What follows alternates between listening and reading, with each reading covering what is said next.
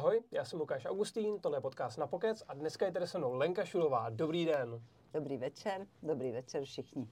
Paní Šulová, vy jste psycholožka a zabýváte se v podstatě všema velkýma tématama, který provázejí člověka na jeho cestě životem. Začínáme jako děti, jak už to tak bývá, potom býváme ve vztazích, potom se eh, oženíme nebo vdáme, a začneme mít třeba i nějaký rodičovský problémy, možná dokonce i partnerský problémy. A nebo pro... radosti. Nebo radosti. Nebo radosti. A pro mě je teda dneska velká, velká výzva to pojmout, aby jsme pojmuli všechny ty, všechny ty okruhy, aby to bylo zajímavé. Takže já si myslím, že bude nejrozumnější to vzít opravdu od začátku a začneme, začneme jestli můžeme, u toho, u toho dětství. Já jsem poměrně čerstvý rodič, a, takže teď zažívám samozřejmě některé strasti. A začneme teda tady. Jako první otázka, na kterou bych se vás rád zeptal, je, že dítě, když se narodí, tak ve většině rodin, když to tak nemusí být samozřejmě pravidlem, to bývá tak, že mam, maminka se stará o dítě, táta chodí do práce, takže to dítě se hodně upne na tu maminku a některý tatínky tohle to může trápit, protože si připadají, že jsou jako to druhý kolo uvozu a tak dále. Jak se na to díváte vy a co se s tím dá dělat? No tak jednak si myslím, že to v historii bylo různě. Že vždycky muž jako víc pracoval nebo víc odváděl fyzické síly a podobně a žena jako by měla takovou tu, tu v úvozovkách jako lehčí práci, pečovat o děti nebo e, připravovat domov, starat se, starat se prostě jakoby o to zázemí pracovní pro toho muže. V dnešní době jsme ale v úplně jiné situaci, protože jsme v době dostatku, jsme v době energií, jsme v době hodinových manželů, jsme v době prostě, kdy se téměř e, veškerá fyzická práce dá e, nějak finančně zaplatit. To znamená, že mnoho mužů může pocitovat pocit, že jakoby se dostávají z výsluní. Je to ovšem klamný, protože stačí blackout, aby nám vyply výtahy a podobně a, a zkrátka jako hodnota muže okamžitě zase stoupne. Navíc si myslím, že žijeme v době, kdy se jakoby dochází k takovému přehoupnutí patriarchát, matriarchát. My jsme žili v plném patriarchátu v nějakém 19. Eh, století. 20. století, tam je boj už, opozice mezi ženami a muži. My v České republice to moc nepocitujeme v současné době, protože u nás to proběhlo někde ve 20. letech nějaká Milena Jesenská, přítelkyně Kavky a, a, a gymnázium Minerva, jo, kde hmm. byly ženy první a kde jsme měli najednou první vysokoškolačky na, na vysoké škole na medicíně. To znamená, to si odbyly naše babičky, možná prababičky. A říkala jste 20. léta? Říkala jsem. To je zajímavé, protože ve 20. letech v Americe byl taky takovýhle vlastně podobný boom, že lidi tenkrát proskoumávali sexualitu a všichni se hlásili o svoje práva a i v kultuře to bylo hodně vidět, tak se to dostalo až k nám v těch 20. letech. Nedostalo se to k nám, pozor. My jsme byli progres. Hmm. My jsme založili první sexuologický ústav na světě v roce 1921. Pozor. A materiály z té doby jsou v archivu Sexuologického ústavu dosud, takže celý 20. století je zmapovaný, co se týká sexuality v Čechách. Mm. Tady se učila sexuální výchova ve 30. letech. To prostě řada progresivních zemí e, současného světa si o tom může nechat jenom snít. My jenom máme malé znalosti o sobě samých. Myslím si, že se strašně podceňujeme a že třeba já jsem působila asi 6 let v Evropském výboru takzvaného IPPF a to je organizace eh, vlastně pro sexuální výchovu a pro prevenci v oblasti sexuality a podobně. Je to celosvětová hmm. organizace, já jsem byla v tom Evropském výboru a eh, tam najednou pochopíte, jak jsme dobrý jak jsme dobrý, co máme za sebou, co jsme všechno dělali za výzkum, jaký jsme, eh, jaký jsme tady měli osobnosti, třeba profesora Hýnieho, který už napsal eh, učebnici sexuální výchovy hmm. do škol, jo, eh, v dobách, kdy ostatní země byly velmi prudérní a kdy se téměř nesmělo slovo sex vyslovit. To znamená, z tohohle pohledu si myslím, že máme být na co pišní a jediný, co já bych doporučovala, je, abychom to věděli. Hmm. Uh, abych se ještě vrátil k té otázce, uh, tak k té sexualitě se ještě dostaneme. Určitě. Uh, mimochodem právě tady ta doba, uh, kdybyste si někdy dohledávali ty prameny, tak říkalo se, že po první světové válce byl takzvaný zeitgeist, že, jo? že ten svět, kromě teda té obrovské krize, která potom přišla, tak se probouzel k tomu životu znova, než potom přišla druhá světová válka, ale to mezi období mezi válkami je strašně zajímavý mm-hmm. z hlediska jako vynálezů, z hlediska patentů a z hlediska právě i vzdělávání a takového obrození vlastně toho světa, hmm. který se U nás především, protože tady byla najednou nová republika. Mm. My jsme se oddělili, že jo, my jsme začali být svébytní, takže ty naši pradědečkové byli strašně jako opravdu progresivní, moderní, měli moderní technologie. Eh, byli jsme v té době čtvrtý v Evropě, co se průmyslové produkce evropský mm-hmm. týče. To znamená, my jsme byli jako opravdu perly a jenom zkusme to zas oživit. Přesně tak. A půjdeme zpátky k tomu tatínkování. Tatínkování. A dejme tomu, že č, uh, tátovi, táta má dítě první a to dítě je totálně závislý na té mamince. A teď samozřejmě tam taková ta tenká hranice toho, aby ten táta nebyl z toho jako otrávený, aby, já nevím, z toho dokonce nebyl třeba cholerický a tak dále, aby se jako uvědomil, že to dítě je dítě, že závislí na té matce z nějakého důvodu, ale zároveň jak jako může přežít ve zdraví tady to hmm. období, kdy je vlastně pořád taková ta dvojka a docela ohodně. No, Uh, myslím si, že současní tátové mají mnohem lepší pozici než třeba naši pradědečkové, protože uh, je považováno otcovství za cenný, protože je řada výzkumů, který ukazují, jak dítě otce potřebuje. Protože jsou třeba zajímavé výzkumy, které se zaměřují už na novorozence, Hmm. Novorozenci, 14-denní, 16-denní novorozenci, který umí perfektně rozeznat mámu a tátu. Ve 14 dnech? Ve 14 dnech po narození. Wow. Jo, takovýhle výzkumy existují a oni poznají, kdo je vyzvedne z postýlky a zapínají odlišný svalový partie na tátu a na mámu, i když je úplně tmavá místnost. To znamená, poznají ho podle čichu, poznají ho podle sluchu, jak jinak dupe, poznají ho podle právě toho úchopu, protože mm. matky a tátové jinak uchopují děti. A ty děti si vůči nim vytváří prostě alternativní způsoby chování. Úplně od začátku. Dokonce angličani popisují v těch svých výzkumech takzvaný poking chování u tátů, hmm. že táta přijde k miminku, rozbalí ho, škrábe ho fousama na bříšku, jo, popichuje ho, vyhazuje ho do vejšky, eh, pro, jo, zatímco maminka objímá ho, dává ho do teplíčka, kojí ho, eh, jakoby eh, ona harmonizuje jeho situaci a otec právě jakoby podněcuje novými podněty. Takže oba hmm. jsou potřeba už od, prvního, od první chvíle. Eh, matka je opravdu takzvaná prvopečovatelka. Ona má výhody. Má výhody v tom, že hormon, hormony ji vybavily pro to mateřství, těch devět měsíců těhotenství, ona byla připravována na tu roli. Eh, představte si, že třeba matka je eh, v místnosti, vedle brečí sedm novorozenců. Ježíši Kriste.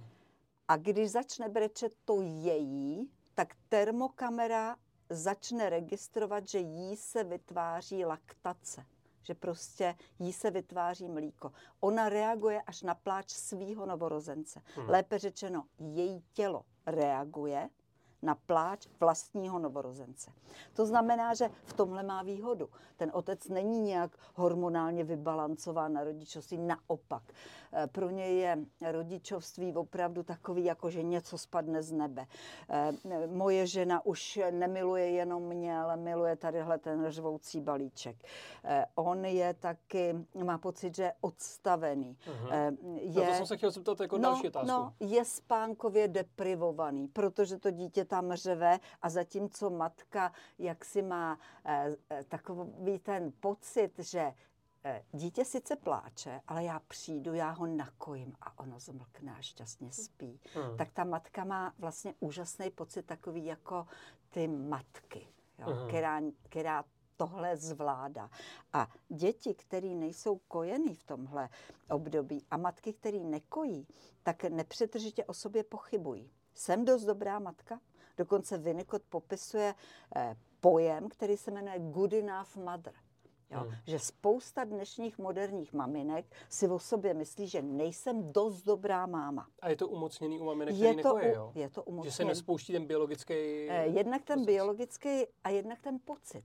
Ta, jo, ta, hmm. ta pocitovost, ta, ta odměna, to je pro mámu odměna, že mě to dítě usne v náručí a vypadá blaženě a teď mu tadyhle vytejká ještě trochu mlíka a pak si krkne a pak spí hmm. a, a to jsem všechno vlastně způsobila já. Hmm. Jo? Nebo, nebo to, to dítě je prostě úplně e, mimo sebe, nespí a to a přijdu já, udělám hu, hu, hu, hu, hu, hmm a všechno je v pořádku. Prostě ta teplá náruč hraje roli.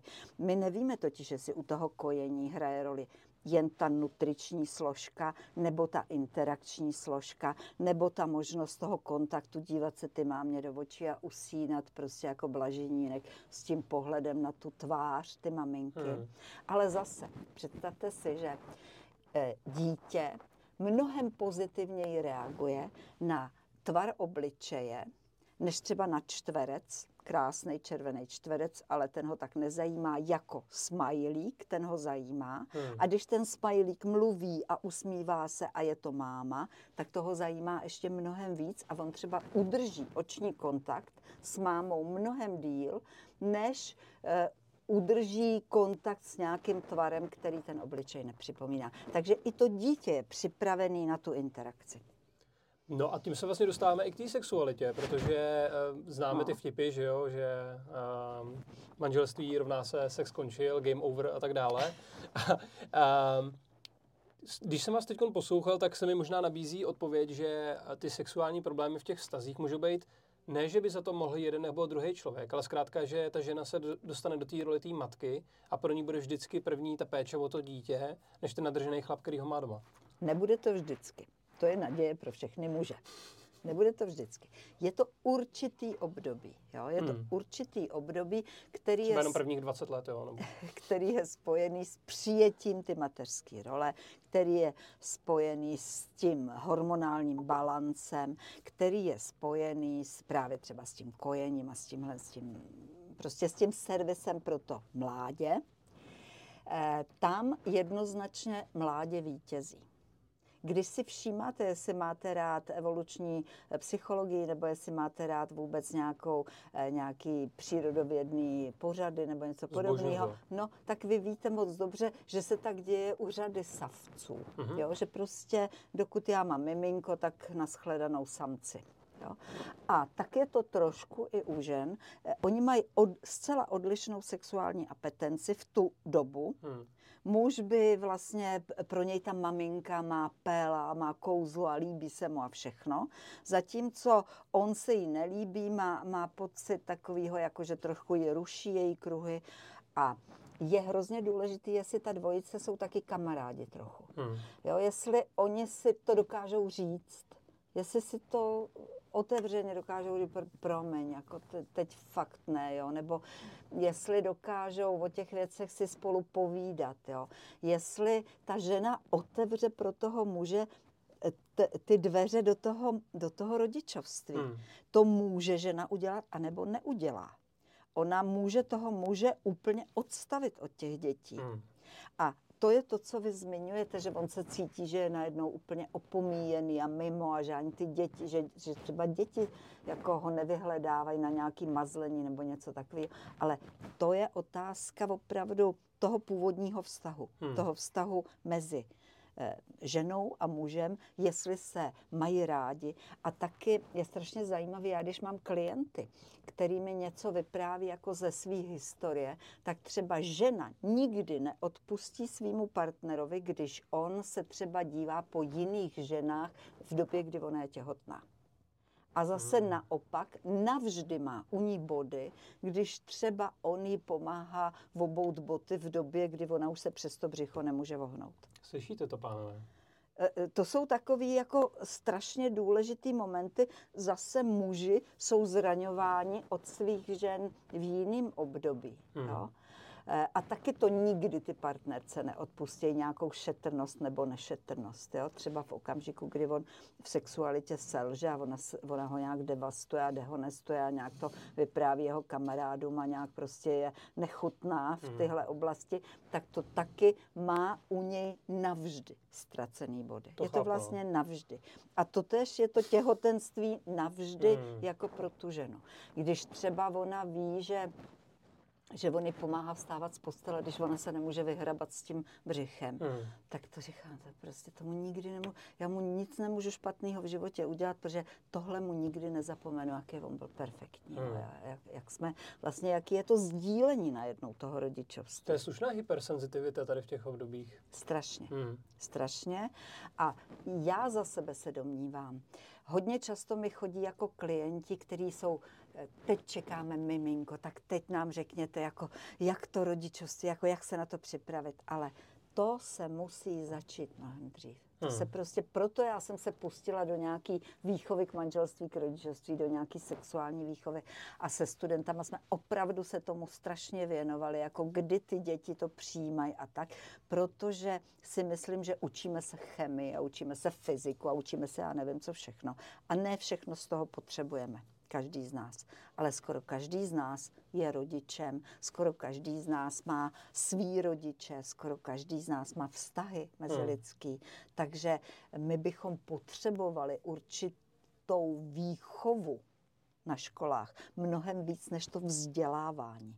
My teďka tlačíme strašně, jako aby ty děti uměly všechno, Hmm. ale my bychom měli s nima mnohem víc pracovat, aby oni se cítili hezky, měli dostatečný sebevědomí, měli kamarády, uměli, eh, uměli se sami na sebe podívat, jak já, jak já se chovám k ostatním, uměli si z toho vyvodit nějaký důsledky. Hmm. A jak byste viděla v praxi ten rozdíl teda mezi vychováváním a vzděláváním tady u toho? Mm, Já si myslím, se že na tábory, mm, školy jasně. přírodě a tak. Vzdělávání je předávání poznatků a dovedností. Mhm. Vychovávání je příprava na situace, takový jako, já nevím, morální, etický dilemata, eh, možnost se eh, bavit o věcech, které mě třeba trápí a já vím, že jsou třeba v mé rodině tabuizovaný. Mhm. Eh, nahota, sex, porozvodový uspořádání. Divil byste se, kolik dětí je v různých opravdu svízelných situacích nějaký střídavý péče, kdy mění dvě odlišné prostředí, kdy mění dvě, eh, Jasně. dvě, dvě nějaké hierarchie hodnot a tohle všechno po 14 dnech a nemají se o tom s kým Hmm. A moc jim leží eh, zajímavé věci na, na srdci. Já jsem nedávno mluvila se čtyřletým klukem, který je ve střídavé péči. A já jsem si říkala, to je škoda, že on nemůže sedět v tom taláru a rozhodnout o tom porozvodovém uspořádání, protože on měl krásnou vizi, jak by to mohlo být. No, a jak by to mohlo být? Protože ten častý český model je, že muž tuším odvádí na alimentech 14% příjmu, nebo něco takového, a vidí dítě vlastně každý druhý víkend, že jo? To jsou takový ty jako nejčastější. Hmm. A jak to viděl ten kluk? Ehm, Tenhle kluk to viděl, že má taky šanci do toho vstoupit, Hmm. jo? že taky má šanci eh, ne pořád střídat ty prostředí, že si nejvíc ze všeho by přál, aby někdy mohl jenom tak v klidu být doma. A teď otázkou jeho bylo, a kde jsem vlastně doma? Hmm. Jako co je můj domov? A eh, nebo eh, mám třeba případ, kde to dítě má paralelně hračky. Rodiče jako řekli, ať to má stejně tady u mě a tady u tebe, ale nechtějí mi ty hračky, aby si aby ty dotýkané hračky od toho jednoho partnera přišly k tomu druhému. Jako A fakt? jako fakt. Plišák konkrétně, takový ten milovaný plišák, kterýho si to dítě nosí pořád sebou, tak ho má jednoho tam a jednoho tam. A teď ty děti mudrujou už v předškolním věku, který je ten pravej. Jak je napadne takováhle Jako hovadina? který je, no pozor, rodiče se třeba nemůžou dohodnout a dítě se musí na Prahu Mhm. domova Mhm. Slíknout do naha, aby nic nepřišlo od toho druhého do domácnosti toho jiného. Takže dítě se na Prahu celý svlíkne, pak musí tam ten druhý rodič si to vzít do, do papíru a odníst a pak se teprve dveře otevřou a to dítě může dovnitř. Co si může takovýhle dítě z takovýhle interakce mezi rodiči odníst? Že nejsou ani schopní si říct no. ahoj, dobrý den, jsou to oba jeho rodiče, jeho milovaný rodiče. Jak se to řešila, tuhle situace? No, rozhovorama s rodiči. Hmm. Že se snažím jim vysvětlit, že oni budou rodiče toho dítěte celý život. No. Že to není boj dvouletý o nějaký materiální statky nebo o to, co nejvíc zranit toho druhého, aby si to pamatoval, že ode mě už nikdy neodejde. Že je to především o tom dítěti jako jak ho připraví na jeho vztahy, jak ho připraví na jeho život, jako co on si z toho odnese, jak se řeší konflikty. Jo? Eh, to, konflikt není, že já před někým se zabarikádu a zavřu dveře. Konflikt je, že já dojdu k nějakému řešení, že jo, postupný hmm. krůčky. Hmm. Takže eh, já bych takovýhle rodiče opravdu, dokud nejsou schopní domluvit se, tak tak bych asi eh, zvažovala rodičovský práva. Hmm. No, to, to asi jako nepůjde jinak. No. A vy jste zmiňovala hrozně zajímavou věc, že už během těch prvních 14 mm-hmm. dní to dítě rozezná. Eh, já jsem četl knížku od Jorna B. Petersona, 12 pravidel pro život. Mm-hmm. A tam je vlastně nejlepší sekce celé té knížky je právě o dětech. Jo? Mm-hmm. A on mhm. tam říká zajímavý milník, že třeba prvních 9 měsíců, eh, uvidíme, jestli to mhm. potvrdíte nebo vyvrátíte, eh, dítě není schopný vlastně manipulace, což znamená, že i když dítě prostě jako šílí, na něčem hrozně trvá a má hrozně emocí, tak to je vždycky vlastně jako upřímný, jo? že to dítě neumí docela dlouho manipulovat, ale rodiče často to jako nechápou a tak to dítě prostě jako odtrhávají třeba od hraček a tak dále. Potom tam zmiňuje, že eh, nejdůležitější doba pro výchovu a tvarování dítěte je do tří let věku, a že, já bych to zase neřekl moc, mm-hmm. řeknu už jenom mhm, jednu. A mhm. poslední věc je, že pokud se řeší jakože nějaký trest pro dítě, jako třeba, ne jako mhm. trest, to je moc silný slovo, spíš jako usměrnění, pokud třeba ano. má hysterák, ano. tak říkal, že nejefektivnější je jenom se dotknout jeho ramene. No tak eh, začnu tím posledním. Myslím si opravdu, že haptika neboli hmatovost hmm. je skvělá rovina vůbec pro komunikaci, když je někdo v úzkých. Konec konců, i když váš kamarád, já nevím, eh, ztratí někoho ze své rodiny, tak vy nebudete s ním víc nějaký sáhodlouhý řeči, ale chytíte ho za ruku. Jo? A, a vlastně tím vyjádříte, eh, některý odvážnější lidi třeba vemou kolem rame, nebo my jsme dost takový jako opatrný hmm. na, nějaký, na nějakou dotykovost, ale přesto ty určitý dotyky tady i jsou rituálně, jo? že když eh, chcete někoho podpořit, tak podáte vlastně mlčky ruku, jo? nebo nějaký ten dotyk tam je. A ty dotyky eh, vůči malým dětem, ty fungují úplně fantasticky. Já třeba jako psycholog, když, když potřebuju, aby dítě ztratilo trému nebo něco, tak opravdu eh, se s ním držím za ruku. Když je hodně malý, mám ho na klíně, jo.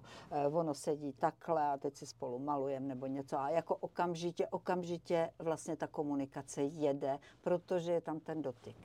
Hodně dlouho jsem pracovala s rodiči pěstouny uh-huh. a tam, když oni si dostali dítě do pěstounské péče, a většinou jsou to zraněné děti, které zažili no, ve svých biologických rodinách hrozný věci, tak oni eh, taky zase ta haptika je fantastická, protože vždycky mi to přišli tak jako tajně šeptat, že si ho berou do postele.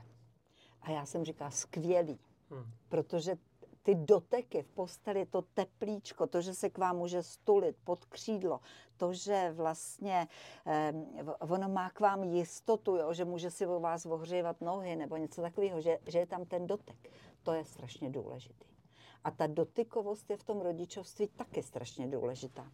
Představte si, že v tom prvním roce dítě má dost dlouhou dobu pocit, že je součástí takzvané všemocné matky že on zabrečí, máma přijde, zvedne ho, někam ho nese, on umí očním kontaktem dokonce si vybrat, co chce vidět, že chce uh-huh. obrázek, že chce z okna, že chce zatáhnout na š- za šňůrku nějakého námořníka, ten zahraje písničku nebo něco, uh-huh. že tam je. Prostě umí si to komandovat, umí si to řídit, ale ono má pocit, že je součástí ty vše, takhle se to píše, to je odborný terminus uh-huh. technicus, součást všemocné matky. Uh-huh. A časem v průběhu toho prvního roku ono si tu mámu vošává, šájí do očí, do pusy, štípejí, koušejí, oblizuje jí. Upičkovala. No, o, ale zjišťuje časem touhle haptikou, i ta pusa je haptika, že to je taky hmatovost, tak ono zjišťuje, že jednou zmačknu, křičí máma, jednou zmačknu sebe, bolí mě. Takže ono se tou haptikou začíná postupně a někde do 6. 7. měsíce už to ví, že já jsem, je, já jsem odlišný od tyhle postavy. Jo? Hmm. Takže ono se postupně naučí eh, rozlišovat já a matka, a je to teda proces asi do tří let, jo. Hmm. Protože třeba dvouletý dítě si stoupne k zrcadlu a když vy mu namažete eh, na nos červenou tečku, tak dvouletý dítě maže to zrcadlo. Hmm. Až mezi druhým a třetím rokem vyspělý dítě maže svoji. A už ví, že to jsem já. Hmm. Já jsem v zrcadle. Taky vidíte třeba, když promítáte 15-měsíčnímu dítěti video s ním samým, tak oni jsou úplně zmatený. Jsem tady, jsem tady. Jako, to je a, pravda. A, já úplně, a, jo, hmm. já, jo. Má takovou jako reakci, jako hmm. opravdu. No, tak to jsou prostě postupné krůčky. Takže z tohohle pohledu ta haptika určitě ano, ten dotek určitě ano. Co jste pak říkal, že on dál říkal, že do devíti let on nemanipuluje? Že, ne, že do devíti měsíců do děti devíti. nemanipulují jako vůbec, že, že mají fakt takový ty jako čirý emoce, které by ty jo. rodiče měli jakoby jo. následovat. Ano. Uh, Freud to popisuje jako, že vlastně je řízený svými primárními potřebami. To znamená, hlad, žízeň, oslnění sluníčkem, zima, jo, takovýhle jako, uh, jako je mi příjemno, je mi nepříjemno. Jo. Takže z tohohle pohledu rodiče můžou eh, úplně jako v klidu si myslet, že mají geniální dítě, zlatý dítě, protože ono jim převážně eh, v prvním roce si hezky spí, jo, je v klidu. A když to tak není, tak je to problém na straně rodičů. A nebo je to třeba vysoce dráždivé dítě, nebo je to dítě s nějakým neurologickým nálezem, nebo něco takového. Jako to samozřejmě ano, uh-huh. jo, ale de facto eh, dá se říct, že v tom prvním roce my můžeme čekat, že naše dítě bude v pohodě, bude spinkat, papat, kakat, tohle, když my mu naplníme jeho potřeby, šťastný dítě. A ještě by mě zajímala taková hodně specifická věc a to, je, to jsou takový raný um, projevy nechci říct jako agrese, ale je docela zajímavý, že já když chodím do dětské herničky s dcerou, tak eh, Vlastně moje dcera je taková hodně opatrná, ale jsou tam třeba děti o trochu starší, dejme tomu dvouletý, dvou, dvou a půl letý, a ty už jako do sebe tak jako drcají a jsou rychlí a tak. Ale moje dcera, který je rok a půl, tak ona vůbec to jako nedělá ještě, ale doma má takového nafukovacího poníka a jenom specificky tady tu jednu hračku vždycky jako povalí, tak do ní bouchne a dělá na ní jako ty, ty, ty. A já vlastně nevím, co to znamená, protože ona to dělá jenom s tou jednou hračkou, dělá to jako ne nějak jako zlé, ale očividně něco jako projevuje vlastně. A děláte vy to vůči ní, když ona něco udělá, že vy jí děláte ty Ne, ne, ne, naopak. Ona když třeba spadne a rozbije si hubu, mm-hmm. tak eh, já třeba takhle bouchnu do podlahy mm-hmm. a mhm. řeknu ty, ty, ty podlahu. Aha. Takže ona vlastně to má z tady toho. Tak to má z tady toho, tak je tam trošku to observační učení, jako mm-hmm. tohle to tam funguje. Eh, potom existuje dokonce metoda, která se jmenuje Dollplay. V České republice s tím dělala zajímavý výzkumy eh, Jarmila Kotásková a e, ta ukazuje, že už od dvou let cirka to dítě na základě observačního učení přebírá praktiky, které jsou vůči němu uplatňované a ono to uplatňuje vůči nějaký svý zvolený hračce taky ji domlouvá, ah, taky ji dává najíst, nebo ji nedá najíst, jo? E, nebo ji nedá zmrzlinu, nebo něco takového. Prostě velmi často opakuje to, co se odehrálo a někdy může opakovat i to, co se třeba odehrálo vůči jejímu bráchovi staršímu, mm-hmm. nebo jakože to viděla a že ona si to pak přehraje s tou hračkou. S tou oblíbenou hračkou většinou. Mm, jo, mm, si tak to sedí, tak to no. sedí. A pak ještě mezi druhým a třetím rokem Eh, k tomu vaše dcera se možná dopracuje. Jo? Mhm. Záleží na tom, jak ji vychováváte. Existuje takzvané eh, první období negativismu. A to první období negativismu, eh, no to, to rodiče nesnáší, No, že jo? Protože je to takový, jdeme k babičce, ne k babičce, budeš papat, ne, ne papat, jo? Napiješ se, na, vyhodí a tohle. Ale pozor, my bychom si měli říct, za prvé, když tohle dítě dělá, tak ono má svou vůli, která se u něj začíná projevovat. A rozhodně je špatně, když se to úplně jako eh, potlačí. Protože vy pak budete mít sice poslušný dítě, ale nebudete mít osobnost. Hmm. Tak vy to musíte tak jako vybalancovat. Pozor, v některých rodinách ten negativismus moc neproběhne, protože ty rodiče eh, nic nezakazují. Jo? Mhm. Jako neprojevují se jako autoritativní výchovný přístup. Oni nejsou autorita vůči dítěti, oni jsou takovým tím způsobem laissez-faire, což je třeba velmi ve Francii takový běžný způsob, že teda to dítě necháte dělat všechno a akorát za ním chodíte a uklízíte a sbíráte a tohle. Mhm. Ani mu neřeknete ty, ty, ty, jako necháte ho. A ono pokusem a omylem zjišťuje, že teda teď jsem si to vylil a už se z toho nenapiju. Jo?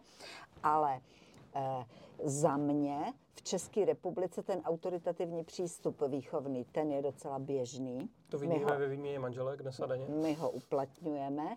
A z tohohle pohledu já si myslím, že bychom měli si uvědomit, že to dítě začíná říkat ne, protože my dospělí vůči němu v těch dvou letech najednou začínáme taky dost často uplatňovat to ne. My jsme měli do 15 měsíců miminečko, kojený a já nevím co, prostě opečovávaný a najednou to dítě. Tamhle běží, tamhle prsty do zásuvky, tamhle si něco sebere, tamhle chce něco jíst, chce si koupit lentilky a my mu je nechceme koupit, nechce jíst, chce jíst a my mu říkáme často, ne, ne, ne, to nesmíš, to nedělej, tam nechoď, jo, je tam hodně ne. Hmm. A ono si to ne taky zahrne do svého repertoáru a vlastně zkouší, co to udělá zase s námi.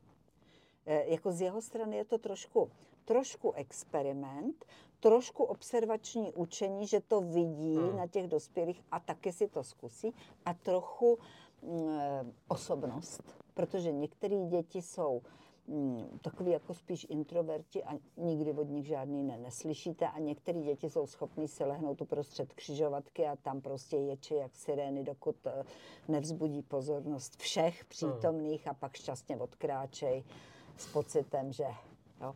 A dospělí by měli být natolik eh, jako konzolidovaný, že ta máma s tím tátou si sednou, řeknou, teď to šest měsíců vydržíme, eh, jak na to.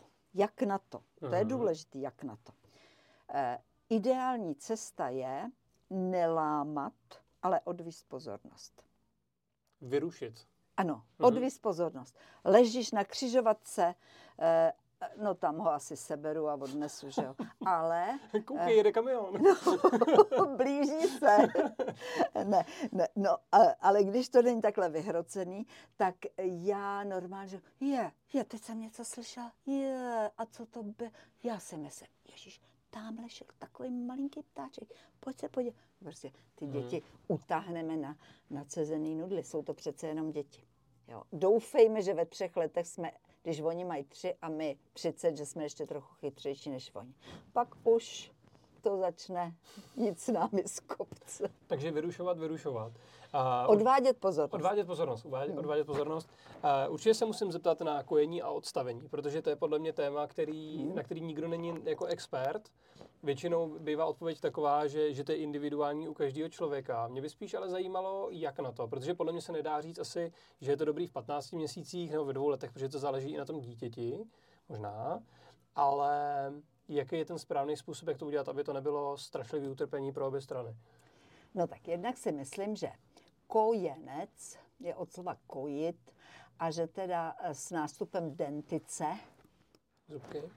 Eh, je to takové jako přirozený ukončení. Tak já bych viděla ukončení kojení jako zcela naplněný kojení někde kolem 12 měsíců. Aha. To, co se v současné době jako děje, to jsou zase takový velmi často, bych řekla, manévry týkající se třeba střídavý péče, aby ta maminka kojila do tří let a do té doby, aby dítě nebylo dáno do střídavý péče otci, nebo nějaký takovýhle, jako jsou, jsou zatím motivace. Ježiš. nebo ta matka se chce cítit jako eh, velmi důležitou matkou a tak pořád kojí, jo, Hmm. a, a, a nemá žádný jiný smysl svého života, než jak dlouho vydrží kojit. A nebo to dítě je pořád přesát, je pořád cucá, a proto ta matka je první těžký si představit, že by přestala Je kojit. řada matek, který bohužel neumějí dítě jinak uspat, než že usne u prsu. Přesně tak. Dokonce já zažívám eh, klienty, i který mají třeba dítě, který ještě ve čtyřech letech se si může přijít takzvaně k mamince do postele trošku. A, a já Hmm. opravdu si myslím, že eh, jako myslíme trošku, jo? Hmm. že, že ne, že ne, že to dítě potřebuje se od, od, eh, oddělit od prsu, pak se potřebuje oddělit od toho těsného soužití s mámou, hmm. pak se potřebuje oddělit od rodiny a jít do školy. Jo, ono potřebuje mít otevřený ty dveře. Samozřejmě, že když budeme mít dítě pořád zavřený v bytě, budeme ho učit individuální vý, výuku, nepustíme ho ani do školy a podobně, tak si vychováme mm, sociopata doma, který se bude bát výjít ven na ulici Hmm. a, a bude mít strach z lidí a bude, jo, všechno jde, ale myslím si, že bychom měli mít zodpovědnost jako dospělých lidí. Nám se narodilo dítě, my máme vůči němu klíčový úkol a to je pustit ho do života. Mhm. No to, je- to je vlastně náš hlavní úkol. To je náš hlavní úkol. Připravit ho dobře na samostatný život. A jako říkat si, čím dřív na něj bude připravený, tak tím já můžu klidněji dýchat. Mhm. A ne být tak úzkostný, že ho budu držet na takovýchhle krátkých otěžích ještě v 15 letech. Mhm. A, a nepustím ho mezi kamarády a nepustím ho na večírky a, a nepustím ho nikam, protože nedůvěřuju, bojím se, vozím ho do školy, nepustím ho autobusem. Eh, rodiče v dnešní době jsou strašně úzkostní. Mhm. To je jeden z, z takových klíčových problémů. Já jsem nedávno, nebo hodně spolupracuju s architekty, mladými architekty. A oni vytvářeli mm, projekt Město přátelské dětem. Mhm. A teď zase vytváří jako takzvaný eh, eh, jako pracovní hřiště. Jo. Eh, To město přátelský dětem jsem tam slyšela skvělý referát, ve kterém byly eh, výborný údaje.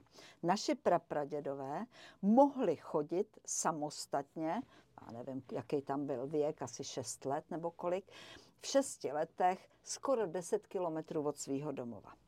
V šesti letech. Naši, jo, Hmm. naši otcové 600 metrů Mhm. a naš, nebo, eh, no, no zkrátka jako strašně se to zužuje ten prostor, který my těm dětem dáme na jejich samostatno, eh, samostatný pohyb. Mhm. A dnes je úplně běžný, že my dítě vozíme do školy a ze školy ještě třeba ve čtvrtý třídě. To je normální, no. Bohužel. Hmm. Bohužel. Měli bychom si vybírat školu ne podle toho, jak je senzační. To je samozřejmě v Praze třeba lákavý si vybrat tu top školu, která má nejlepší reference a, Montessori za čtvrt milionu a, ročně. a nejlepší finance a já nevím co, jako proč, proč si kdo vybírá školu, ale měl by si vybírat školu pro prvňáka, aby tam došel sám pěšky, bezpečně Aha. a pustit ho v první třídě, dejme tomu měsíc ho učit, jak se chodí sem a tam ze školy, a potom sám. To jsem byl já. Já když jsem, mě to ukázali rodiče jednou a potom, když byl ten první školní den v první třídě, tak uh, rodiče se hrozně dlouho oblíkali, tak jsem šel sám a oni byli potom k smrti zděšení. A, A došel přiběhli- jste co? do, Došel jsem jste, tam. přišel Došel, jste. přišel jsem tam a oni doběhli úplně, šíleli ve škole, kde jako jsem. Jsem říkal, no vám to dlouho trvalo, jak jsem šel sám, že jo, oni, no ty vole. No ale každopádně ještě se vrátíme k tomu, eh, jak jsme se bavili, to odstavení. Dejme tomu, že teďko- Odstavení, dobře. Jo. Dejme tomu, že jste z- zhrozili některé ženy, který se na to koukají. Říkají se, no to se eh, paní Šulová zbláznila jako ve 12 měsících. Ale pojďme se pobavit o tom, jako jak to konkrétně udělat, pokud Ano. nejsou, Eh, tak eh, můžu, můžu říct mezi 12. a 15. měsícem, Jasně. abych dala nějakou toleranci. Pak si myslím, že na tohle téma je řada skvělých výzkumů, třeba taky antropologických, Aha. protože se ukazovalo, že ten způsob odstavení je důležitý pro následnou psychiku toho člověka. Vůbec kojení se zkoumalo jako, jako velmi významný, jako vývojový fenomén, jak je dítě odstaveno. Hmm. Že třeba byly kmeny, který postupně odstavovali, já nevím, pomalinku v průběhu nějakých dvou let.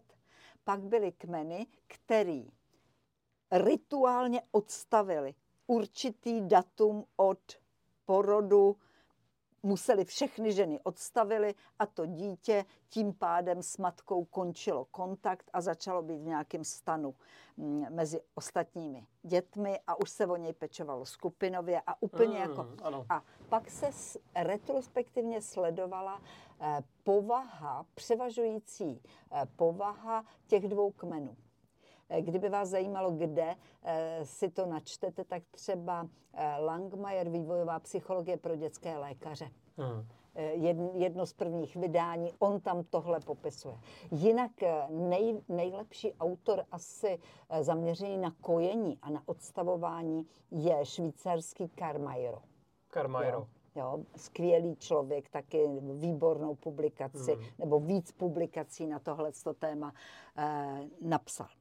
Eh, za sebe se domnívám, že tedy odstavovat, říct si dokdy, eh, odstavovat pozvolna, to znamená eh, jako nahrazovat určitý ty fáze toho krmení jiným typem stravy, třeba mixovanou polívčičkou nebo něco, protože ty děti už v jednom roce jedí lžičkou, že jo.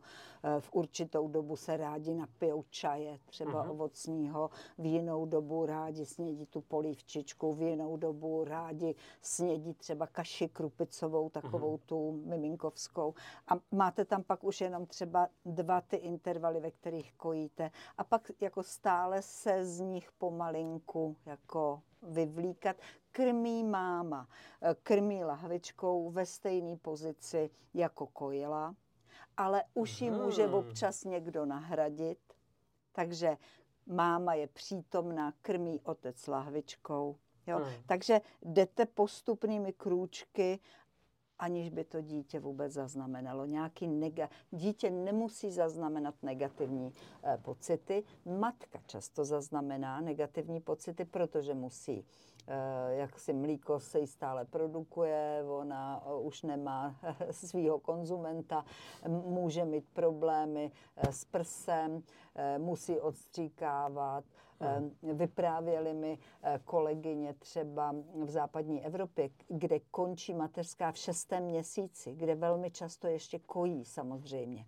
A v tom šestém měsíci nosí odstříkané mléko do, do těch takzvaně jesliček hmm. jo, do toho zařízení.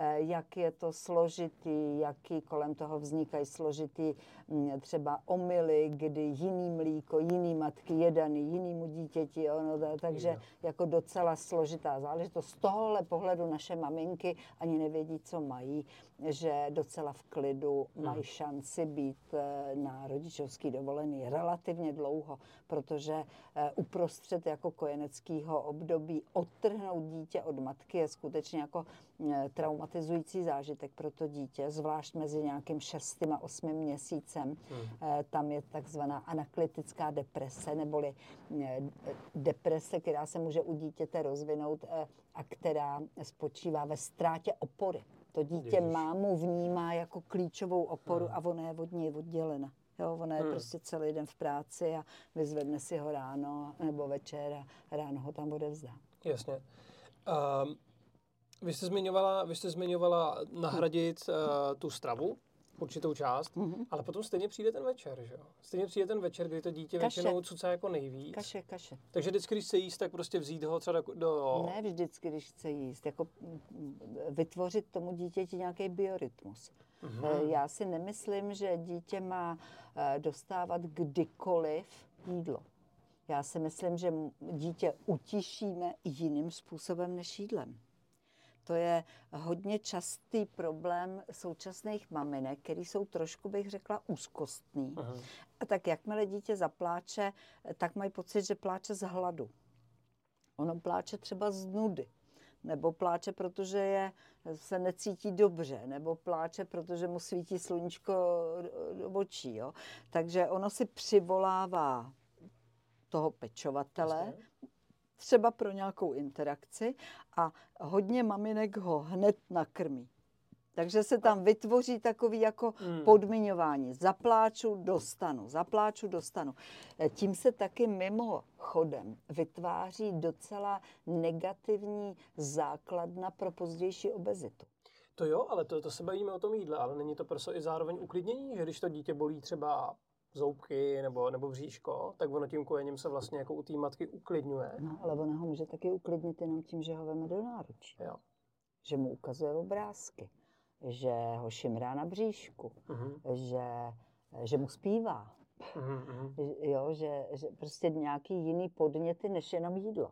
Jídlo uh-huh. nemusí být jediný. Samozřejmě jako jídlo, to by vám řekli biochemici, jídlo vám přinese něco do života, my to známe všichni, že jo, jak jsme vsteklí občas a nervózní a dostaneme trochu najíst a zvlášť, když je to něco sladkého, sladký kafe nebo to něco, ježiši, no tak, tak už je všechno hnedka v pořádku, ale eh, to má nějaký právě základ v tom raném dětství hmm. a jak říkám, je řada Eh, obezních lidí, kteří si tohle přinášejí úplně z toho prvního roku života, kdy třeba je jim eh, ten prst nabídnut třeba 13krát denně. A stačí šestkrát. To má fakt vliv na obezitu pozdější? No, protože on si zvykne wow. všechno řešit jídlem. Hmm. A tak potom, já nevím, je nervózní, je neklidný. Třeba Marsku, že jo? Jo, je hmm. neklidný, tak ten neklid prostě uh, u něj to funguje takhle. Uh, já samozřejmě vůbec nejsem kompetentní v tyhle oblasti, takové jako, jako, že bych se tím nějak dlouhodobě zabývala, ale existuje dáma, Slávka Fraňková, která vydala opravdu skvělé knížky, třeba Jídlo v životě dítěte, a to si myslím, že stojí za přečtení, hmm. jako co jídlo znamená pro člověka nějaký eh, stravovací rituály, zvyky, jak si to přenášíme ze života, jak si třeba eh, nechce se mi sociálně hůř na tom eh, děti, jak si, jak si to nahrazují nějakým množstvím méně kvalitní třeba stravy, eh, než děti, které si můžou jako dopřát eh, dražší, dejme tomu třeba nějaký ovocné věci, lehčí věci. Je, je to docela jako zajímavý téma, hodně zajímavý téma. Je, je, to, je to velký téma. Uh, přetočíme teď trošku čas Určitě. a dí, dítě nám roste a vrátíme se teď uh, k těm rodičům. Jo. Uh, dejme tomu, že ten vztah se dostane do nějakého mrtvého bodu a ty lidi jdou od sebe. Uh, jak z vaší praxe, uh, jak, jaký situace si pamatujete, že se dějou často a jsou jako dobře zvládnutý, že se rodič nějak jako dohodnou, ale co je tam takový to podstatný, že to je správně a potom se podím, pojďme se podívat i na situace, které jsou naopak jako nesprávně a taky se dějou často. Hmm. Tak, já si myslím, že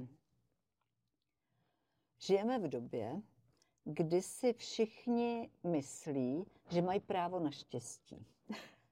že jako já mám právo. A to v systému rodina nejde. Hmm. Jako nemůže každý tam uplatnit svoje právo. Vždycky tam musí někdo být, jako na jehož úkor se dějou věci. A pokud je to nějak vyvážený mezi, mezi všemi členy rodiny, tak to má naději na dlouhodobý vlastně harmonický vztahy. Pokud všichni jako natvrdo uplatňují eh, te, te, sebe, mm-hmm a to právo, já mám právo, já mám právo na volný čas, já mám právo na odpočinek, já mám právo teď mít dítě, já mám právo, eh, aby mě všichni uznávali jako senzační matku, jako matku roku.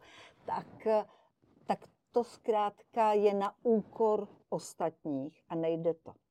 Eh, dokonce já mám takovou jednu přednášku, jednosemestrální partnerské a rodinných vztahy. A v rámci těch partnerských a rodinných vztahů já tam mám téma, co charakterizuje funkční rodinu. Protože pořád mluvíme, proč se rodina rozvádí a proč tohle, proč, jako o tom negativním. Když se dostáváme i k vašim knihám. Ano, ale velmi často my si musíme položit otázku jako opačně. Hmm. Proč něco funguje? A ukazuje se, že nejvíc funkční vztahy jsou, eh, když ta dvojice jako nemá komunikační nějaký nešvary. To znamená, neříkají si mezi sebou, kdybys mě měl rád, tak bys to věděl. Jo? Řeknou, dneska si mě naštval, že si zapomněl na moje narozeniny. Nebo teď, teď ty víš, já tě miluji, já ti to musím říkat, že jo? Jo, jo, hmm. jo, nejsou v tom takový ty šumy komunikační. Ty klasiky český, no. Jo, tak, takový jako... Um, prostě takový to zraňování, ale vy vlastně nevíte proč, jo? Hmm. E, jako dlouho se dopátráváte. To znamená jasná komunikace. Pak je důležitý, aby e, byli schopni jako se adaptovat na nové situace. To zase u funkčních rodin funguje a u nefunkčních okamžitě je to rozloží.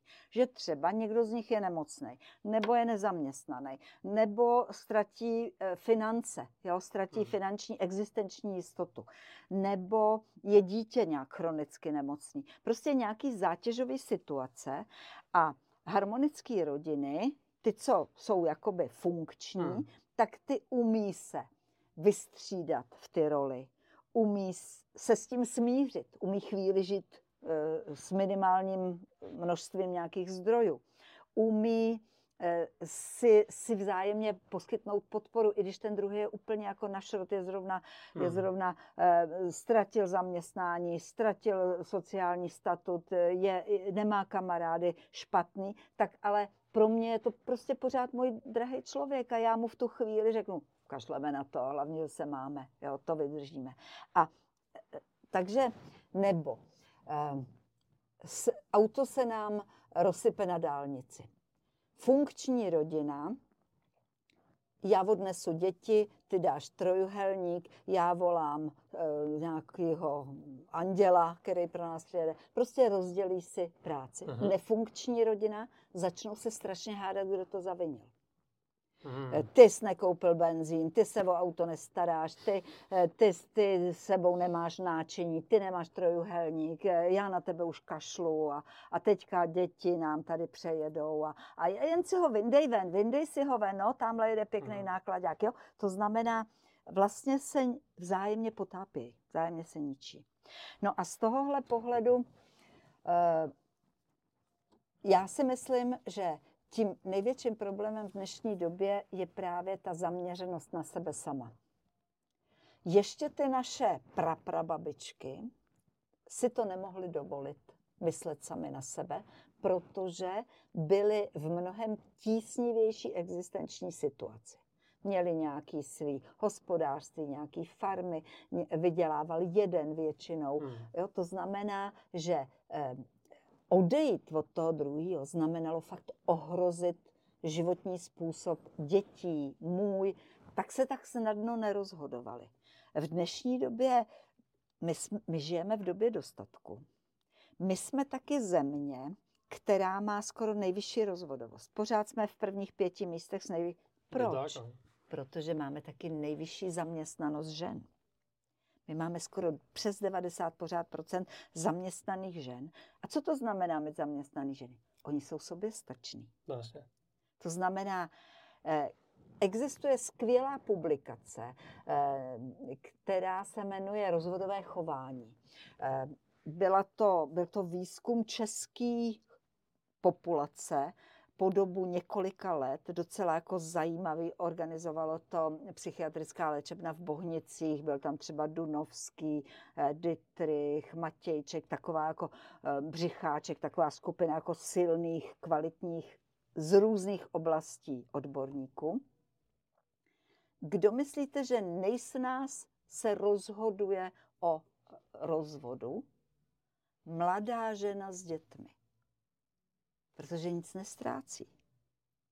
Má výborný sociální zázemí v této zemi, hodně často si i finančně pomůže, máli manžela nějakýho, eh, který si rád kupuje eh, závodní auta Nebo nebo, nebo, nebo něco. Jo? Takže ona si může vlastně pomoct, je pořád atraktivní, A hlavně dneska, zůstává jí byt většinou. Mhm.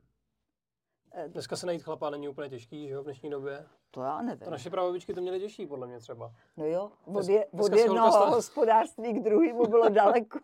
Přesně, jo. Ale dne- dneska podle mě, když je, když je holka hezká, tak má v podstatě jako patent na štěstí, že jo? Protože stačí si stáhnout aplikaci a každý večer tam bude mít 100 chlapů, který se o ní ucházejí, že jo? No, Si to, žijete. co já slyším od těch klientek, tak vždycky ty mi zase říkají, kde jsou ty pěkný chlapy, nebo kde jsou, Mhm. ne pěkný, to už neříkají povětšinou, když jsou rozvedený, říkají, kde jsou jako ty spolehlivý chlapy. No, ono musí být jednoduchý si najít chlapa, ale nic dobrýho chlapa musí být pro holku určitě hodně těžký v dnešní době. To je takový Víte- paradox. Víte, v čem je taky ještě jeden obrovský problém? Ehm, proč je taková vysoká rozvodovost? Protože od roku 1956 v České republice my máme hormonální antikoncepci, která je vysoce spolehlivá. Hmm. Má to číslo někde 90. A co to znamená? Já si vybírám, eh, celá tahle, jako ten nástup ty hormonální antikoncepce, ten samozřejmě spustil takový ty léta toho uh, sexuální revoluce Jasně, a prostě hippie, ano, ano, ale ono to má svůj klad a taky rub. Ten klad je, že tedy, eh, já nevím, máte, Je to máte, příjemné, zábavné. máte možnost si vybírat a podobně, ale vy si vybíráte úplně jiný partnery pro ten sex, než byste si vybíral pro, toho rodič, pro to rodičovství společný. A Ale to jestli, dělají obě pohlaví. no to dělají obě Hmm. pohlaví, ale obě pohlaví jsou potom nepříjemně překvapený, že třeba ten krasavec, který se líbil na těch diskotékách, který měl ty krásný trička, který eh, vítězil ve všech sportovních odvětvích, tak není už takový senzační třeba ve vstávání k dětem, není tak senzační v hledání si nějaký eh, práce, aby se mohl s manželkou střídat v péči o děti. Prostě eh, já jsem si nehledala otce svých dětí, ale hledala jsem si krasavce, se kterým budu juchu někde si užívat a bude mi hej. A to je, to je vlastně něco, co vás zaskočí. Já jsem asi sedm let pracovala v manželský, v předmanželský poradně, kde jsem měla na starosti problematiku extrémně mladých dvojic. A tam mi Mhm. velmi často říkali, říkali, "Pf, takovouhle holku bych si v životě nevzal. A já jsem říkala, ale teď spolu žijete několik, prostě několik let spolu žili, intimně. A, mi A to extrémně mladý jsou kolik let? No, neměla jsem jenom extrémně mladý. Hmm. Hmm. Extrémně mladý byli eh, před dosažením 18. Jasně. Před dosažením 18 a ještě čekali dítě. Aha. To byla moje agenda. Ale eh, z těch dalších, oni mi řekli, takovou bych si nikdy nevzal. A když já jsem řekla, a když spolu spíte nějaký roky, tak on mi říkal, no jo, ale měli jsme antikoncepci. To znamená, nikdy by si ji nevzal, teď je nepříjemně zaskočen, Hmm. nebo i, že, i ženy to říkali. Že to nestálo jako za to riziko? Hmm, říkali, že zkrátka uh, ta antikoncepce jim vyhovovala, Hmm. ale když, když to bylo spojené s tím rodičovstvím, tak se cítili jako, že jsou podvedení. To je, se vracíme ale k té sexuální výchově, že? jo? jo. Jo? Um, jak by vypadala sexuální výchova, kdybyste to mohla teď dát do všech škol? No to já ji mám připravenou, pozor. No jdeme na to. Eh, My jsme vytvořili opravdu metodiku sexuální výchovy. Je to výchova eh, k manželství a k rodičovství, protože tenkrát samozřejmě slovo sexuální výchova eh, na ministerstvu nebylo pozitivně přijímané, tak já jsem říkala, na názvu nám nezáleží. Výchova k, eh, k manželství a k rodičovství. Ovšem je tam 40 témat a mezi ním všechno o sexu, všechno o antikoncepci, všechno o porodu, všechno o nějaký dysfunkci sexuální, o dospívání, o přijímání, já nevím, pohlavní role a o, o těchto všech věcech, eh, homosexuálové, lesby. Byla to velmi jako progresivní knížka a nejenom, že jsme to napsali, my jsme to na 200 školách v České republice ověřovali hmm. na nejrůznějším stupni. Hmm. A jaká by byla? Byla by taková, že by se to neučilo, jako že v šestý třídě vám přijde ginekolog říct, jaký jsou uh, antikoncepce a jaký jsou polohy uh, při sexu, ale bylo by to, že ty děti od předškolního věku, protože strašně začne sexualita zajímat děti mezi čtvrtým, šestým rokem, takže už od školky se dá mluvit na tohle téma a bylo by to kontinuální výchova. Prostě eh, měli by pravidelně ty témata, mohli by k tomu si povídat, mohli by klást otázky, byla by interakční, nebylo by to takový to frontální, přijde učitel a řekne mi chytrosti, ale bylo by to, že všichni si povídáme o něčem, kdo ví, co je to rozvod, kdo ví, co je to, já nevím, mateřství, jak hmm. se starají, který znáš nějaký zvířata, jak se starají o svoje mláďata, jak se ve vztahu k tomu starají lidi. Takže ehm, nebo Eh, používat takový ty filmy typu Byl jednou jeden život.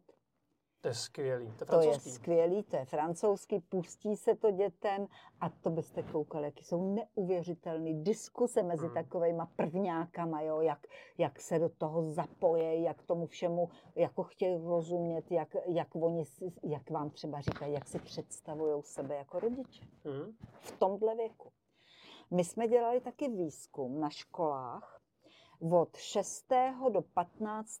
roku jsme eh, sledovali děti a sledovali jsme postoje a hodnoty českých dětí u 2400 dětí. Hmm. Bylo to strašně zajímavé, protože oni se tam vyjadřují taky k rodičům, a to byste koukali, jak oni nás vidějí. A teď my jsme si to rozdělili 6 až 9, 9 až 12, 12 až 15 a jak se to mění s věkem. Mm-hmm. Jak se dívají holky na maminky, kluci na maminky, na táty, jak se dívají na učitele, co čekají především od učitelů. Eh, do dneska, koho by to zajímalo zase, lze se podívat na stránky Ministerstva školství, kde tenhle projekt je popisován jako klíče pro život. Je pod názvem Klíče pro život a je to asi 70 stránek, eh, kde opravdu si počtete hmm. a začnete si říkat, s naší republikou je to všechno v pořádku, protože máme skvělý, chytrý děti. Fakt? Je to pozitivní? Je to strašně pozitivní. Tak jsou tam dvě pozitivní věci, na které si hned vzpomenu. Jedna pozitivní je, že ještě v 15 letech si český holky a kluci mají jako člověka, kterému se svěřuju, mámu. Hmm. To mi připadá jako úplně, to je bomba a to, když ukážu někde v zahraničí, tak říkají, že vy jste země, vy jste ráj, já se k vám stěhuju. Jo? Potom druhý pozitivní bod je, že skoro všichni prvňáci, když přijdou domů, mají tam mámu. Hmm. Nepřichází do prázdného bytu, takový ty klíče a odmykání, jako už tam mají mámu. Takže hmm. i tohle mi připadá hrozně prýma. Pak mi připadá třetí moment tam eh, hrozně fajn, že umí velmi dobře rozlišit, co by chtěli od takzvaných celebrit. To, co já si myslím o současné České republice, je, že máme bohužel málo opravdických autorit, který, no, který bychom dětem před, no, předložili. Jo. Eh, takže jsou to takový celebrity spíš a ty celebrity jsou občas děsivý. Jako influencery různý. A... no, nechci zrovna říkat influencery, ale, ale prostě nejenom influencery, třeba vrcholový, některý vrcholoví sportovci jsou naprostý jako špatný vzory, abych no. to řekla jemně a slušně. No, protože a, je populární, že oni se prezentují jako hrozný mačo a ano, psychoví se jak idioti. Ano, no. ano. A, ale si děti to umějí rozlišit. To Fakt. znamená, že vědí, co si od koho mají brát. A že si třeba, já nevím, u učitelky je důležitý, co umí hmm. a jestli je hodná. U herečky je důležitý, jak vypadá. Jo. U, e, u sportovce je důležitý, co umí. Jo? A teďka takhle, když se tam díváte jako do těch materiálů, tak se podíváte, jak to jako odhadujou. A ještě se to mění samozřejmě s věkem. Jo? Jinak mm. uvažují ty šestiletí, to jsou takový jako šťastný jelítka, který si představují sami sebe, ten život, jo? jak budou hodní rodiče, jak budou ochraňovat přírodu, jak budou tohle ty 15-letý, ty už chtějí cestovat, chtějí peníze, chtějí e, být hmm. uznávaný, jo. mají už jako posun v těch hodnotách. Jo. A já si vždycky říkám, to jsme prokulačili trošku. Hmm. Něco samozřejmě přijde s věkem, ale něco taky si myslím, že by mohlo přijít s tou společností. A dnes společnost těm dospívajícím prakticky vůbec nic nenabízí. Hmm. Já teď možná trochu rejpnu do svého hnízda, protože vím, že to je jedno citlivý téma, ale položím na to jenom jednu otázku, která mě fakt zajímá. Ono se říká, že lidský mozek se vyvíjí do nějakých 21 let věku.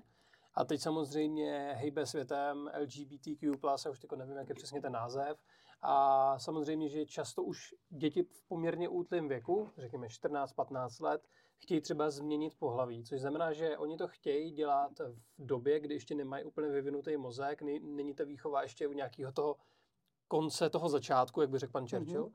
A jak se na tady to díváte vy, celkově tady na tu mm-hmm. problematiku, protože máte ten liberální přístup, který říká, když si to dítě přeje, tak já ho nebudu trápit a k němu tu eh, operaci zaplatím. A pak to máte ten jako druhý, uh, druhou vlnu, která říká prostě, že to je jako fakt zásah, který je neměný a je to moc brzo v tom životě. A pak tam máte nějaký jako ten prostředek, mm-hmm. který spíš poukazuje na to, že dneska se ty děti v podstatě musí třeba vykastrovat, že jsou jiný způsoby, jak to dělat, ale to si myslím, že už je moc komplikovaný. Mm-hmm. Takže pojďme se spíš podívat na ten, eh, na to jako mm-hmm. levou a pravou část. Tak jedna, nedáváte mi lehké otázky. E, za druhý, myslím si, že v ty oblasti jako e, neurologický asi nejlepší odpovědi v České republice dává profesor Koukolík napsal spoustu zajímavých publikací a myslím si, že je opravdu jako v tyhle ty oblasti jako perla. Mm. Jo, a že to stojí za to číst jo, cokoliv od něj. A co se týče eh, vůbec ty změny, tak já si myslím, eh, protože jako mým klíčovým oborem je vývojová psychologie. To znamená právě vývoj ty, ty psychiky. Uh-huh. Jo? A vývoj ty psychiky z hledisek různých těch vývojových teorií, eh, která je zaměřená na, na kognici, právě ano. na mozek, která je zaměřená na pudovost, to je třeba, nevím, Freud, na ten mozek, to je třeba, já nevím, Piaget, jo? nebo na nějaký vztahy ve společnosti, to je třeba Erik Erikson a, a takhle bychom mohli chvíli pokračovat, to, to není až tak důležitý, ale eh, tam je strašně důležitý to přijetí identity. A přijetí sexuální identity, to je opravdu několikaletý proces. Mm. Já bych odkázala asi třeba na výborného autora, který se tímhle zabývá ve Francii, a to je Pierre Tap. Jo, ten se opravdu zaměřuje na identitu. Eh, v České republice se tímhle tématem hodně zaobírá Petr Macek v Brně. Jo, výborný člověk, který napsal publikaci Adolescence. Doporučuji vaší pozornosti, kde se hodně na téma identita mluví. A potom ten Erik Erikson, který se identitou taky zabývá, ale zase identita v různých koutech světa a nějaký interkulturní takový jako přesahy. V dnešní době si myslím, že bohužel se zaměňuje několik věcí dohromady. Eh, dítě v určitém věku si dělá takový jako pořádek v tom, kdo jsem já. On si vytváří svůj sebeobraz. A do toho sebeobrazu patří taky, že najednou zjistí, že já mám jiný pohlavní orgány než, než můj kamarád tady. To patří do toho předškolního období, kde oni si to velmi intenzivně vzájemně prohlížejí, schovávají se někde, to jsou takové ty hry na doktora, sahají si na svoje vlastní přirození, na cizí přirození a je to vlastně doba, kdy rodiče občas jsou zcela zděšený, že moje dítě masturbuje, občas učitele v předškolních zařízeních říkají, ta holčička má pořád prostě ručičku v kalhotách, co s tím máme dělat, ale de facto patří to normálně k objevování světa. Hmm. Já objevuju svoje tělo, jako jsem předtím objevoval jako batole, já jsem objevoval eh, židle a schody a učil jsem se na nich chodit, tak já v tomhle období já objevuju sám sebe. Objevuju, co je mi příjemný, co mě bolí, eh, objevuju, jestli jsem, jestli jsem zbabělej nebo jestli jsem odvážný. Já i eh, mám rád ty pohádky, kde mám toho hrdinu nebo toho slabocha. Jo? Já se s nima srovnávám. Já vlastně si vytvářím takový jako sebeobraz, a to je strašně důležité, co já pro život potřebuju a co je proto důležitý. Co dělám, jako co mi ty lidi kolem mě umožní, abych dělal, to je ta, eh, ta konativní složka, že oni vlastně, některý rodiče tomu dítěti dají opravdu široký záběr, ono lyžuje, ono leze na stromy, ono plave, ono, eh, ono hlídá sourozence, ono pracuje a jiný dítě je, je pořád někde s mobilem a nic, nula. Jo, je jenom přes tu virtuální realitu. Tak to je, eh, to je jako první etapa tohohle. A tady si to dítě začíná jako uvědomovat, eh, co charakterizuje to moje pohlaví a co to opačný pohlaví. Potřebuje na to, v tuhle dobu strašně potřebuje mít oba rodiče. Nebo aspoň dostatek mužů a žen ve svém okolí tety, strejdy, babičky, dědy, když nemá vlastní rodiče, aby si mohl uvědomit, že ženy chodí na vysokých podpatcích, mluví vyšším hlasem, šlechtějí se u zrcadel, mm, chichotají se, Eh, zuřej občas, jo. Muži tolik nezuřej, ale občas mi nějaká třeba přiletí od nich, jo, nebo občas se perou mezi sebou, nebo občas jsou nemluvný, jo, hmm. nebo občas jsou opilí, nebo jo, prostě učí, oni, oni si observují a oni si vlastně dostávají, takzvaně si interiorizují ty modely chování, zvnitřňují. A oni pro tohle taky potřebují v tuhle dobu si to občas vyměnit. A úplně to milujou, že jsou to kluci, ale najednou si vemou paruku. Jsou to kluci a vemou si máminy šaty a chodí na podpacích a je to ta největší junda, kterou jako udělají. Jo? Nebo, no, no zkrátka, ta výměna jo, sama o sobě je úplně jako rozradostňuje. Aha. A řada rodičů ovšem, bohužel, si tohle experimentování s tím genderem si vysvětluje jako, on chce být holčička. On pořád nosí ségřiny sukínky. On pořád tadyhle, on je takovej, jako, no, no. A e, za mě rozhodně je to brzy. A dát těm dětem, samozřejmě, že existují tady eh, potom eh, jedinci, kteří chtějí tu změnu, ale v dospělosti. Jako dát jim tu šanci jako dozrát, aby oni sami, eh, aby nebyli jakoby vmanévrovaný do toho tím okolím. Hmm. Vlastně to okolí tou reakcí nepřiměřenou je upevní v těch pozicích. Ať už dobrým nebo špatným. Ať už dobrým nebo špatným. Hmm. Jo. To znamená, já bych vždycky opravdu čekala do plné dospělosti. Mám poslední dvě otázky. Hmm. První otázka je taková docela zajímavá. Já když hmm. jsem si štrachal ve vašem životopise, tak jsem tam našel hypnózu. A já jsem třeba, já jsem třeba hrozně skeptický člověk. A zajímalo hmm. by mě, jestli fakt hypnoza jako existuje, protože já si nemůžu představit, že by mě někdo dokázal zhypnotizovat. Hypnoza existuje. Byla jsem dokonce na třech kurzech hypnózy v Kroměříži u významného českého hypnotizéra Stanislava Kratochvíla, který ty kurzy tam organizoval po mnoho let. Eh, viděla jsem, neuvě... Eh, byl tam celý tým hypnotizérů z celé České republiky. Eh, za mě asi nejvýznamnější efekt hypnózy hmm. je jednak věkový regres, kdy eh, člověk potřebuje se vrátit v životě zpátky a něčemu porozumět. Tak jo, vrátit se eh, ve věku... Zavzpomínat? Není to zavzpomínání, je to právě, že hypnózou se dostanete do těch situací a najednou Aha. se vám vybaví toho mnohem víc. To je za prvé. Za druhý jsem eh, se tam skontaktovala s pediatry, kteří udrželi děti v hypnóze po dlouhou osmihodinovou operaci páteře, kdy to dítě nemohlo být pod nějakou lumbální hmm. uh, anestezí nebo něčem, něčím podobným, protože bylo potřeba, aby ono spolu, plně spolupracovalo s tím operatérem a na to byla ta hypnoza absolutně fantastická. A pak za sebe musím říct, že, eh, že jsem byla docela uchvácena eh, hypnózou na dětech, kterou provozoval pan eh, docent Karel Balcar, který na tohle téma taky, taky jako něco napsal a opravdu dlouhodobě se hypnózou dětskou um, profiloval, jako moc lidí to v republice ne, neumí a nezvládá a nedělá. Jo, je, to, hmm. je, to, je to taková Eh, tenká hrana mezi změněným stavem vědomí a mezi, mezi jako plnou hypnozou. U dětí zvlášť, jo. A dá se zajít moc daleko? Já totiž když si, je, já nevím, proč jsem si vybavil takovou ze 70. let MK, MK Ultra v Americe. Jako.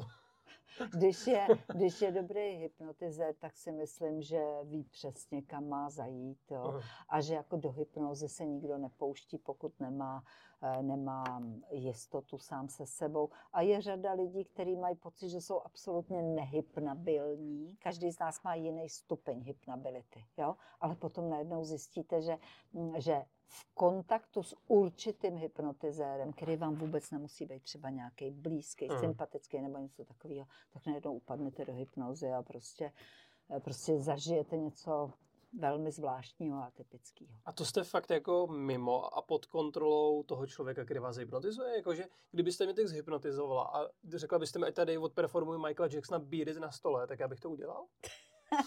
to záleží na tom, jak jste hypnabilní.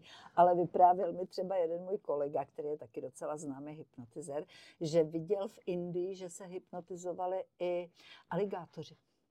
I zvířata se dají zhypnotizovat. To ne, no, to určitě. nevěřím, no, fakt. No, ale to vám říká řada třeba krotitelů který pracují se zvěří, že, že to jsou stavy jako hypnózy s určitým živočichem, jako když, když ho potřebují nějak sklidnit nebo něco, že to, že to umějí. A musí a, se vypnout nějak ta hypnoza, nebo to jako odezní, když ne, se neděje ne, nějaký podnět? By se, měla by se vypnout. Měla by se jako vypnout. U lidí se stoprocentně vypíná. A když ne?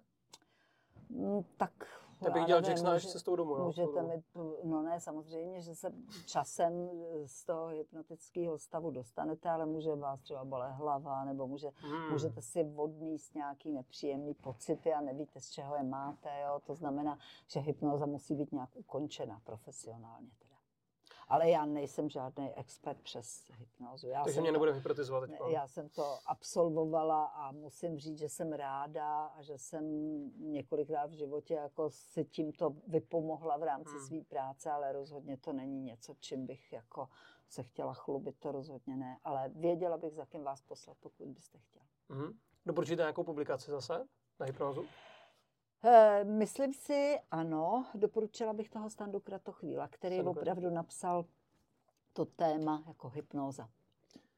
Tak a je tady poslední otázka, která určitě zhypnotizuje naše posluchače a to bude, kdybyste teď na závěr měla dát lidem nějaký jakýkoliv nejdůležitější rady, kterou jste za svoji praxi nabila, tak eh, ať už to může být něco ke vztahu k dětem, ke vztahu k partnerství, k manželství, cokoliv. Hmm.